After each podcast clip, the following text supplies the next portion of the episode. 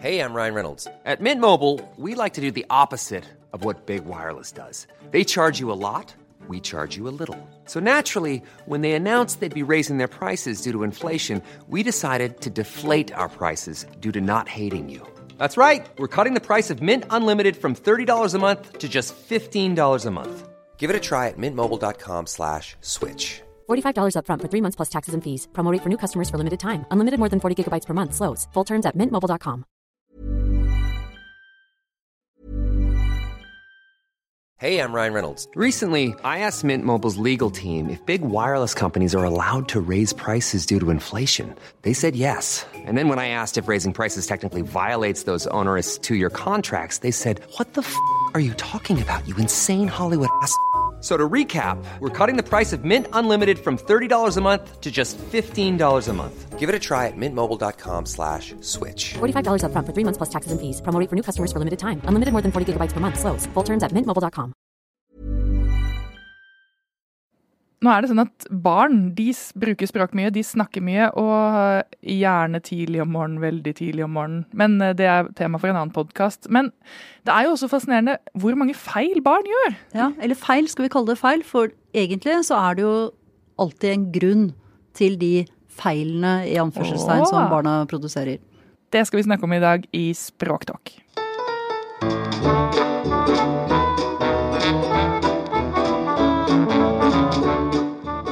Det er jo sånn at Hvis man er forelder til et barn, så vil man jo oppleve veldig mye rar kreativ språkbruk opp igjennom. Og jeg tenker at i denne episoden her så skal vi ikke kjøre sånn full Sånn forstår du ditt barn og alt det gjør, det, da må du gå og studere et par-tre fag. Men eh, du og jeg, Helene Uri og meg, Kristin Storesen, vi skal prøve å ta tak i noe av det vi syns er mest fascinerende med språkutvikling. Og da tenkte jeg bare, det er Språkutvikling hos barn er jo et gigantisk tema, så vi eh, tar jo en liten robot Vi konsentrerer oss vel om de første årene, gjør vi ikke det? de første årene, og så blir det bare litt av det vi syns er veldig gøy. Og jeg husker en av de tingene jeg syns var fascinerende, da. Det var å lære ordet segmentering. Ja. For det er et sånt ord jeg ikke tenker over i dagligtalen. Altså når jeg, når jeg hører på deg snakke, så klarer jeg helt fint å skille ordene fra hverandre. ja, det er jo til og med sånn at jeg tror de fleste voksne mennesker vil insistere på at det finnes eh, mellomrom mellom eh, ordene i en talestrøm, og det gjør det jo ikke. Nei, for hvis, hvis det hadde vært mellomrom, ville det hørtes utrolig dumt ut. Ja, Så det er ingen små hvite mellomrom mellom ordene når vi snakker. De kommer i en eneste strøm, og da kan man, hører man faktisk ikke når et ord slutter og når det nye ordet begynner. Og det tenker vi jo ikke på, fordi Nei. vi vet det så godt.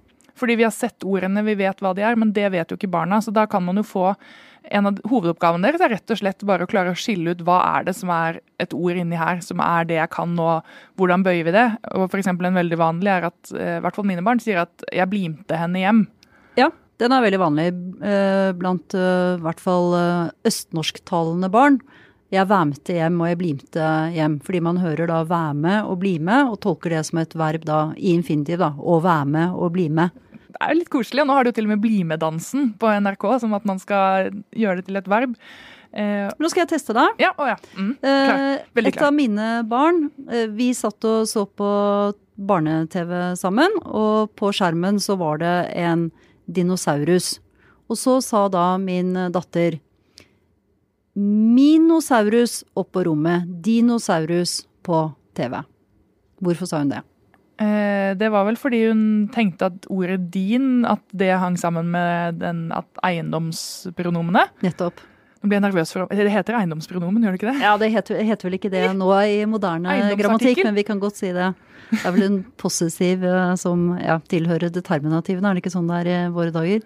Men uansett, i hvert fall at det er en Hun trodde at substantivet var osaurus, Ja. og så at det var da en eh, din, din foran. osaurus. Så min osaurus, den var oppe på rommet. Og det er et godt eksempel på feilsegmentering hos barn. Ja, det er jo ikke lett. Jeg tenker Når jeg ser på nyhetssendinger i utlandet, altså hvis jeg ser på russisk, da, som jeg ikke kan, så klarer ikke jeg å skille ut eh, hvor ordene kommer. Men hvis jeg får det, ikke akkurat russisk, da, men hvis jeg får fransk for eksempel, foran meg, så vil jeg jo klare å analysere litt hva er ordene, fordi det er delt opp så deilig med disse mellomrommene. Og jeg så en sånn undersøkelse eh, på når lærer europeiske barn å snakke. Eh, og da, i hvert fall i den undersøkelsen, da, så sa de at danske barn lærer det sist, og kroatiske barn lærer det først. Jeg har ikke lest den artikkelen, tror jeg, men jeg har lest en som handler om eh, språkutvikling hos islandske, norske og danske barn. Eh, og da var det i hvert fall sånn at de danske barna lærte bøyningsendelser, altså det som er på slutten av eh, Dette var vel verb. Mye, mye senere enn de islandske og norske barna. Og det er jo ikke så rart når man hører dansk. Det er jo nokså utydelig og vanskelig å få med seg rett og slett da hvor er endelsene, hvordan høres de egentlig ut, hvor slutter ordet, hvor begynner endelsene. Så Det, det, høres jo litt sånn sånn fordomsfullt ut. Uh, altså, eller jeg tenker at dette en måte bygger opp om de fordommene man har om Det høres ut som en dans. sketsj av Harald Eia, Ja, og det er så- og det så det stemmer det. Ja. Det er det som er litt gøy med dette her. Det er, det er faktisk sånn. De danske barn har større problemer med å lære seg i hvert fall endelsene på, på verb da, enn en f.eks. norske barn. Eh, en ting som jeg syns er litt eh, fascinerende, da, eller det er jo en jeg tenker det kanskje er en fordom som mange har, eller om du skal kalle det fordom, eller hva det er, men det at eh, barn er flinkere til å lære språk enn voksne.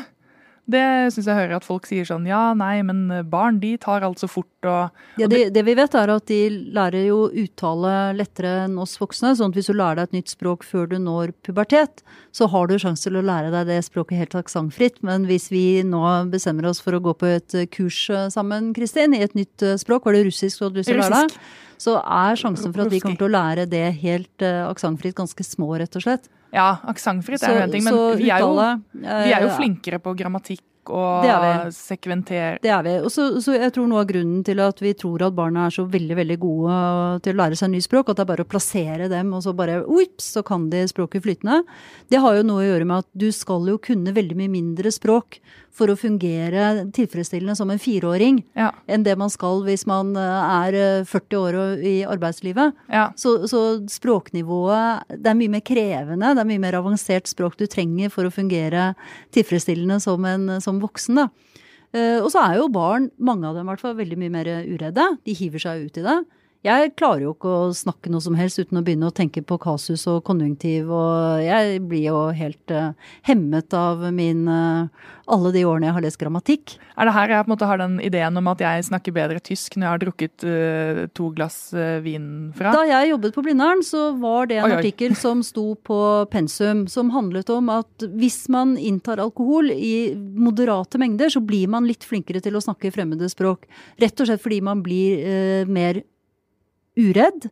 Eh, man er rett og slett mindre, mindre nervøs. Hvis man drikker for mye alkohol, så går det nedover igjen. Ja, nettopp, ja. Så her er det en grense. Det, det topper seg på et tidspunkt, og så må man faktisk slutte å drikke. Da blir du ikke noe flinkere. Men det er flaks, for jeg kan bare si una cerveza por favor. Og da er vi på en måte Da får du bare én. Ja. faktisk greit. Nei, Jeg jobbet jo også på turistinformasjon en stund, og der, hvis jeg var sliten nok, da mistet jeg alle hemninger og begynte å snakke på de språkene som falt meg inn.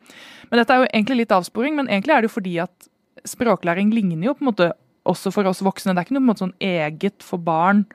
Eh, oss voksne, er det det?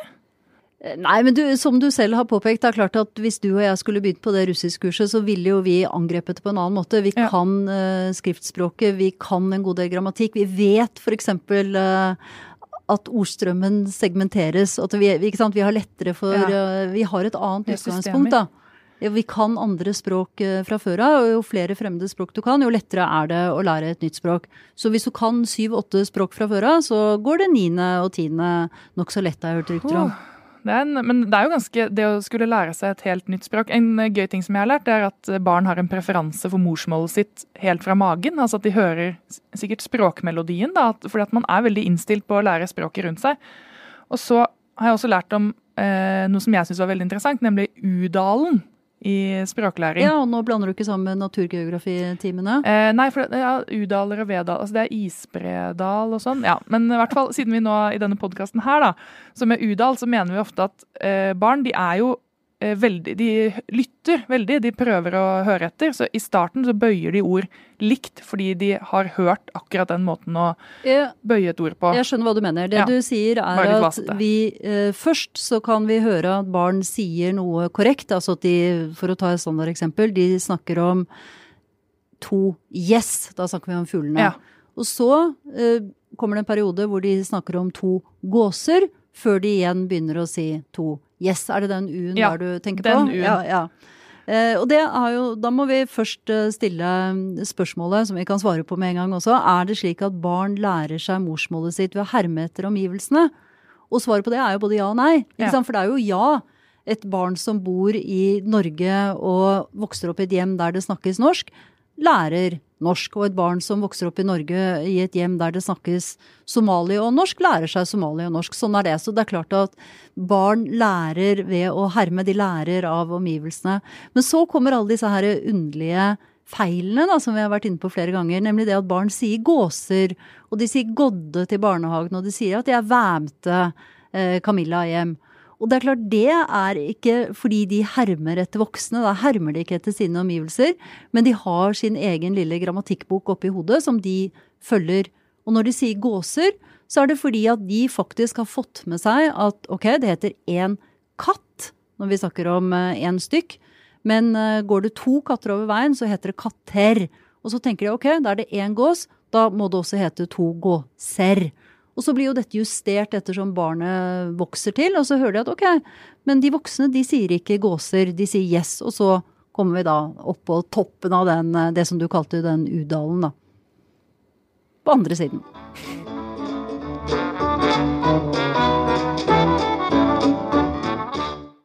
Jeg får helt sånn Jeg er så glad jeg har lært meg norsk. tenker jeg. At jeg ikke skal gjøre det igjen. Men så blir det veldig gøy underveis når man eh, lager nye ord med en sånn helt sånn kreativ ordbruk. F.eks. å eh, si 'jeg døde ham', og ta et ord som vi ikke ville brukt Ja, som eh, I stedet for jeg drepte Ja. Jeg er veldig glad altså, de, forstått at de, ikke, altså, de sier det ikke ordentlig, men de kan jo leke, da. Ja, eller sånn man har verbene å busse og trikke. eh, Ja. Og jeg husker begge mine barn sa å båte. Ja. sant, for å kjøre båt. Og jeg husker også at min yngste datter, hun bøyde absolutt alle substantiv med A, altså som hunnkjønnsord. Altså hun snakket ikke bare om jenta og katta, men også om hunda og grøta og gafla og kniva. Altså helt gjennomført, inntil hun tenkte at nei, det var, det var, da er det mye A-er, gitt. Her skjedde et eller annet. Ja, for det meste glir jo litt sånn over av seg selv. Det er jo eh, vi er jo ikke noen tilhengere av å drive med fysisk avstraffelse for feilbøyning av eh, Nei, det er liten, liten grunn til det, altså. Ja. Eh, Er du klar for en uh, gåte? OK, greit. Ja. Mhm, mhm. Dette er også et av mine barn, da, som nå er vokst opp og blitt veldig store. Men uh, en gang de var små, så spurte da min eldste, og sa hun, mamma, hvorfor har Askeladden med seg strykejern på skogtur? Uh, Strykejern eh, Er det noe med, med, med renner i ryggen eh, som skal Nei. en prøver å Hvilket eventyr er det hun har hørt, og hva Det sto, jeg hadde jo lest høyt for henne da, Askeladden strøk til skogs. Altså dette, jeg sa jo da da jeg var liten, så kom jeg til mamma og spurte eh, hvorfor snakker de tre Hvorfor kommer de tre røverne fra Danmark? Mamma bare Nei, hva Og da er det fordi at eh, i Tante Sofies sinte vise så synger hun Og Jesper snakke likedan skal ha Og det, hvis du hører det Like dansk? ja, så blir det Og Jesper snakker like dansk. Fantastisk. Hvis man deler opp den eh, ja. Men eh, hva kommer det av, dette er engelsk da, hva kommer det av eh, at det lille engelskspråklige barnet så en dessertgaffel og sa oh look, a threak. Three eh, Four, at den hadde en fork, vil ha fire Wow, den var ikke så verst. Ja, jeg føler dette er sånn uh, vitselandskap. Uh, ja, en fork. Dette er jo helt reelle eksempler da, fra, Ja. fra barnespråk. Og det er jo egentlig det som er vårt hovedpoeng her i dag, er det ikke det? At det er ikke feil. Det er alltid en eller annen årsak. Det går an å leke detektiv, og så finner man en eller annen i hvert fall hvis man leter lenge nok, en eller annen logisk grunn til at barn sier akkurat de tilsynelatende rare tingene som de sier. Ja, altså, men det er jo en form for feil, for et system har vi jo altså Nå skal ikke jeg være sånn tante Sofie og, og si sånn hysj, unge, ikke noe hysj-lyd her, gå hjem og vask deg. Men eh, at hvis man virkelig skjønner Eller det er det jeg syns er gøy, da, at, vi, at det kan virkelig være noe å lete etter og ha det gøy med. Og prøve å finne ut hva er det systemet bak egentlig. For det skjønte jeg også etter hvert, at f.eks. For i sånn forenklinger, at når de sier at eh, en blomst er en boms, så er det grunner til at de utelater visse lyder, og hva er det som gjør at de sier Terapp med en ekstra e, f.eks. Mm, ja, her er det vanskelige konsonantforbindelser, da. Ja. Blomst og trapp. Så da kan du forenkle enten ved å ta det vekk, som i boms, eller Mm. bomst, eller må du sette inn en liten hjelpevokal, som i terapp. Epele.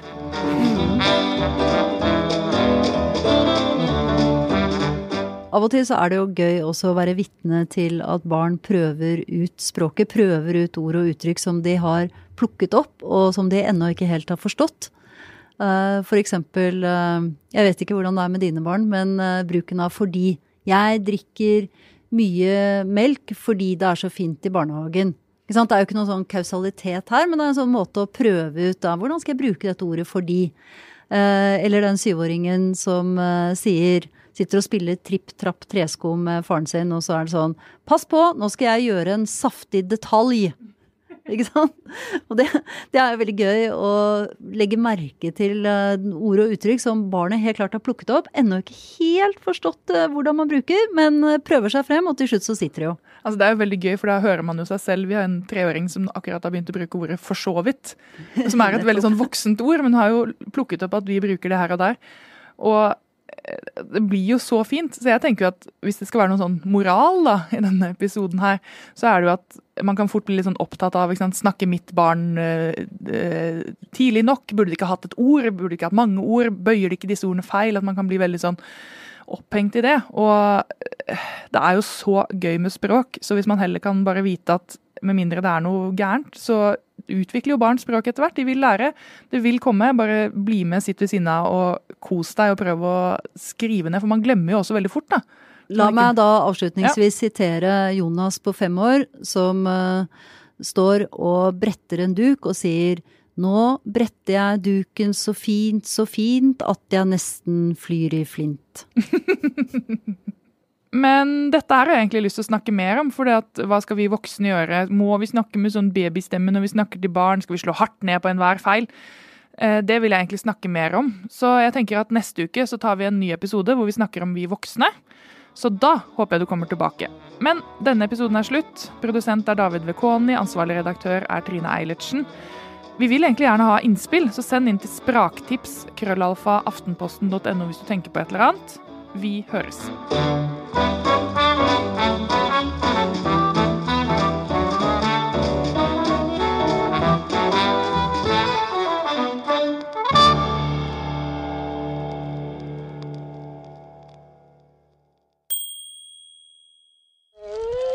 Hvordan vil du beskrive livet med barn? Det er eh, til tider ekstremsport. En eh, barneoppdragelse full av bekymring. Og så føler jeg jo nå er jeg mislykket som mor. Men nå skal vi hjelpe deg.